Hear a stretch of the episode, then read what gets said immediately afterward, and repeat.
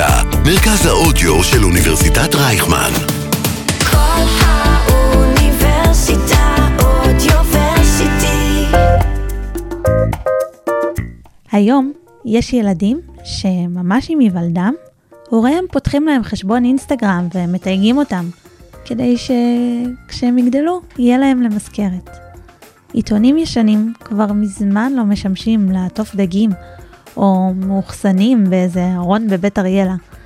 ובעצם, כולם יכולים למצוא כל דבר שפורסם עליך כבר לפני יותר מעשור בלחיצת כפתור.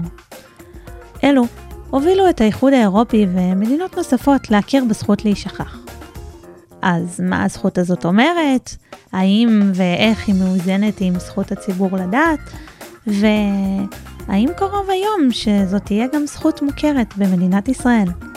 האזינו לחלק השני של השיחה שקיימתי עם עורך הדין דן חי, מומחה לדיני פרטיות, אינטרנט וסייבר ומרצה הקורס פרטיות בעידן הדיגיטל. אקדמיקס, אקדמיה בגובה העיניים, עם קרן אסף.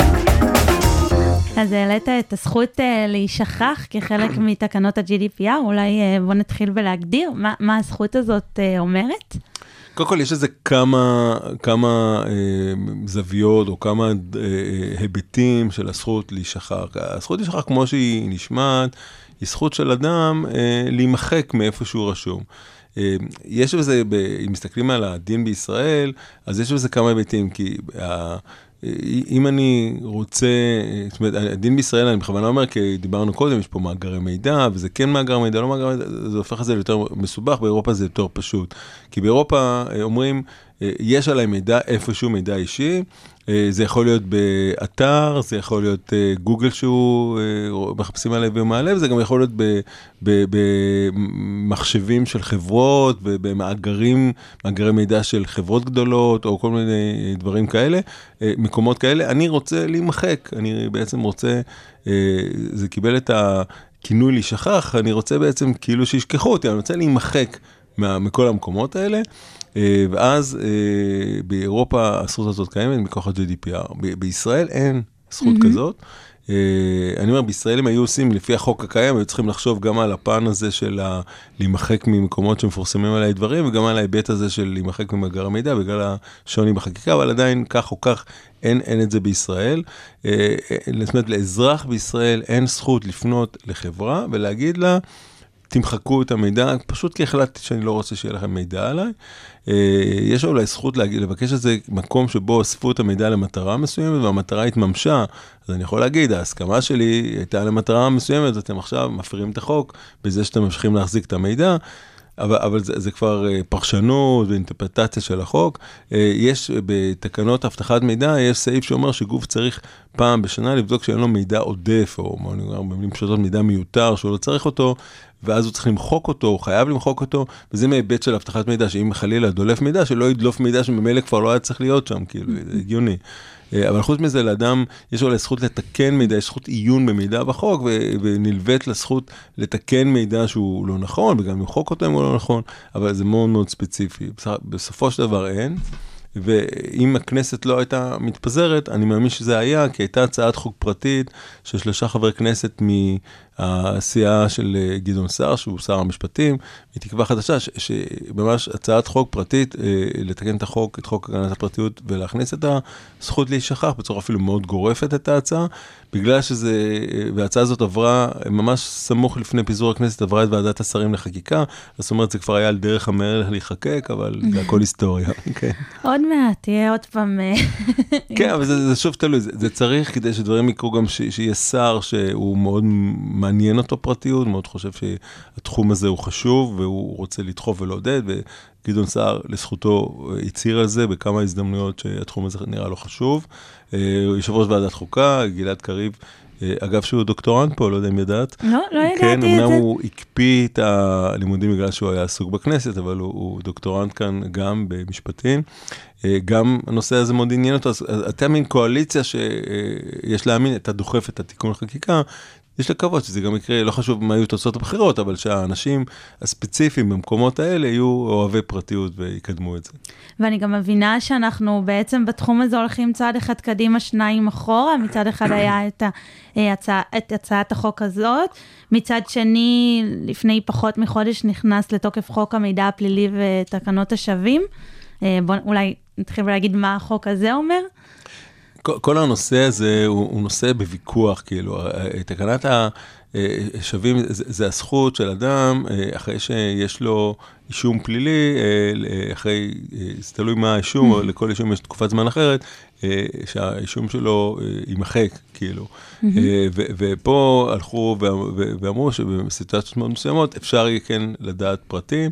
אה, אפשר להתווכח עם זה. כי, כי אדם עשה מעשה והוא נמחק, ואני עכשיו צריך לקבל אותו לעבודה, את יכולה להתווכח אם לפני עשר שנים זה באמת מצדיק שאני לא אדע מזה, או לא מצדיק שאני אדע מזה, זה, זה משהו שהוא מאוד ערכי, אבל זה נכון, אבל יש המון דוגמאות לחקיקות בישראל שפוגעות בפרטיות, אה, יש את חוק נתוני תקשורת, והחוק הביומטרי דיברנו, ויש הרבה דוגמאות אחרות. וזה גם, זאת אומרת, על כל דבר בזכות להישכח אפשר להגיד, זאת האמת, באיזשהו מקום, מבקשים מגוגל, באירופה, מה שדיברת.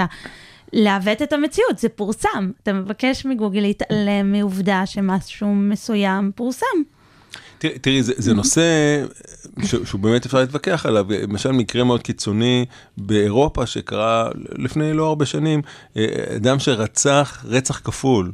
Mm-hmm. ישב 32 שנים בכלא, השתחרר, ושם יש את הזכות שהעבירה תימחק אחרי שהוא ריצה את העונש, ואז הוא פנה וביקש למחוק את כל המידע עליו, את יכולה להגיד, אדם כזה, מה, לא, לא, לא נראה לי הגיוני ש, שלא ידעו שהוא, שהוא עבר את העבירה, זאת אומרת, זה, זה באמת זה סוג חשוב. של לעוות את ההיסטוריה. עכשיו בואי אני אאתגר אותך, בוא נניח שמישהו כתב ספר על הרצח הזה. Mm-hmm. הוא יצטרך, אה, יש לו זכויות יוצרים על הספר, הוא כתב ספר. Mm-hmm. אם תתקבל הדרישה, היא, גם לא אם, היא התקבלה, אה, אז גם את הספר הזה אפשר לפרסם יותר, כי אפשר, זה חושף את המקרה ואת הבן אדם.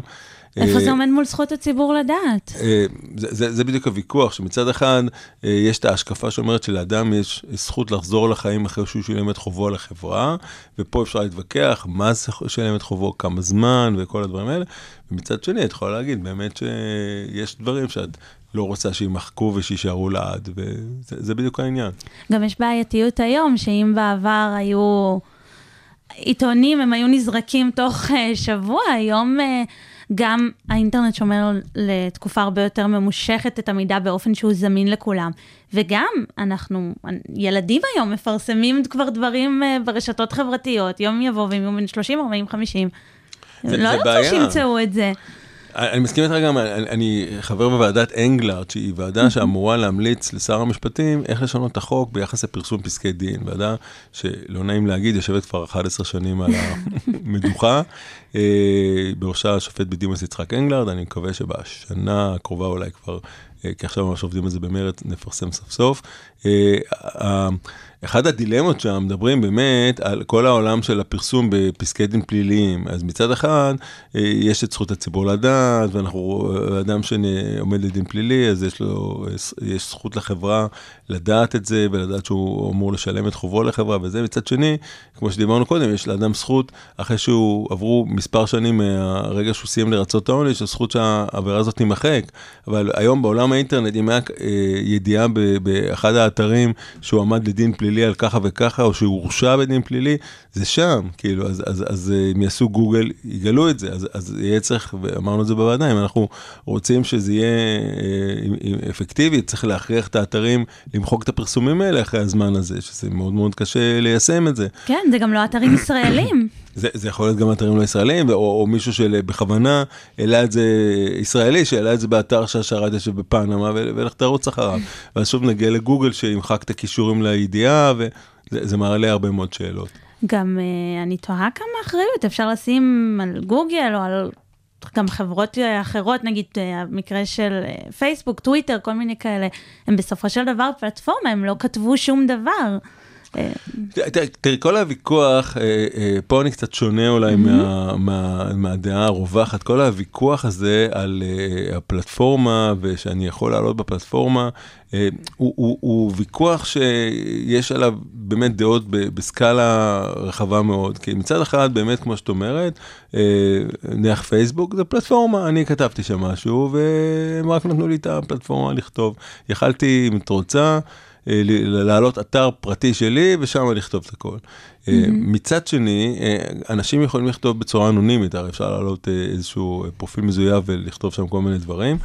ובעיניי הכי חמור, אה, ואולי רגע לפני מה שאני אגיד לך, הכי חמור, אה, ההשקפה שהתפתחה וההלכה שהתפתחה בפסיקה, שאתרים כאלה, אה, העולם של הודעה והסרה, אם אני הודעתי להם שזה מפר והם הסירו, אז אני לא יכול לבוא אליהם בטענות. אה, זה, זה, זה הת- התפתח בעולם שבעיקר ביחס ללשון הרע, זכויות יוצרים גם, אה, ואני חושב שאם לוקחים את זה לעולם של פרטיות, זה לא נותן פתרון. כי אם אה, יתפרסם על מישהו שהוא נניח חולה והוא לא רצה שידעו את זה, או נטייה מינית, זו הדוגמה הכי אה, שכיחה שנותנים, ו... ו, ו נניח שהוא ייתן הודעה לאתר ואחרי יום, 12 שעות, הסירו את זה. ב-12 שעות זה כבר, כל מי שמכיר אותו, או מספיק שראו את זה, אדם אחד מספיק שראה את זה. הוא כבר יפרסם, אה, יספר את זה לאחרים, וזה, וזה, וזה נגמר. אז לכן אני חושב שצריך לתת פתרון אחר לבעיה, אבל אני חושב שכן, אה, כמה זה נשמע לנו ארכאי ושל פעם, אתרים צריכים להיות אחראים, כולל פייסבוק, למה שעולה אצלהם. והם צריכים למצוא את הדרך אה, כדי, לפחות בצורה סבירה, להראות שהם ניסו לסנן ולמנוע דברים, לפחות דברים שיכולים לפגוע בפרטיות, כאילו. אה, בטח שזה עולה אנונימי, זה בעיניי נורא, ויש פסיקה של בית המשפט העליון בעניין רמי מור, לא יודע אם שמעת, שעסקה בשאלה אם אפשר להגיש אה, צו לפרס- אה, לנסות לחשוף גולש אנונימי שכתב. ובית המשפט אמר שם שאין כזה דרך להגיש עתירה נגד אדם אלמוני, ובעצם הסיר את זה מסדר היום, ואני חושב שזו פסיקה מאוד לא נכונה, אני מקווה שהיא תשתנה, יש שם דעת מיעוט מאוד יפה של המשנה לנשיאה אז, אה, לקים רובינשטיין, שמדבר על זה, שכותבים איזה טוקבק שאדם חולה ומעלים את זה, וזהו, זה, זה מת, זה שם, העולם כבר יודע. יש עכשיו את לינוי בר גפן נגד טוויטר, שעוד עומד... אה, כן, כן, לא, יש כמה מקרים, אה, לצערי או לא לצערי, הרבה מקרים כאלה נגמרים בפשרה, אז אנחנו לא, הפסיקה לא מתעשרת, אבל אה, כן, נכון. אז מה יש לעשות? אה, כיועץ, מה היית ממליץ? אה, קודם כל, אה, אני כן הייתי במקרה מתאים הולך איזה משהו תקדימי ומנסה לתבוע אתר, גם אם משהו אנונימי יתפרסם באחריות לזה, ומנסה לאתגר את בית המשפט, אבל הפתרון הסופי הוא, הוא לגייס איזשהם... אה, יכולות אה, של להשפיע על המחוקק, איזשהו פורום או, או, או כל, כל אג'נדה אחרת שתבוא לידי ביטוי ו, ותנסה לגרום לשינוי החוק, כי, כי אחרת זה בעייתי, כאילו. אה, מה קורה בעולם? יש איזו דוגמה שאפשר, ממדינה שאפשר ללמוד ממנה?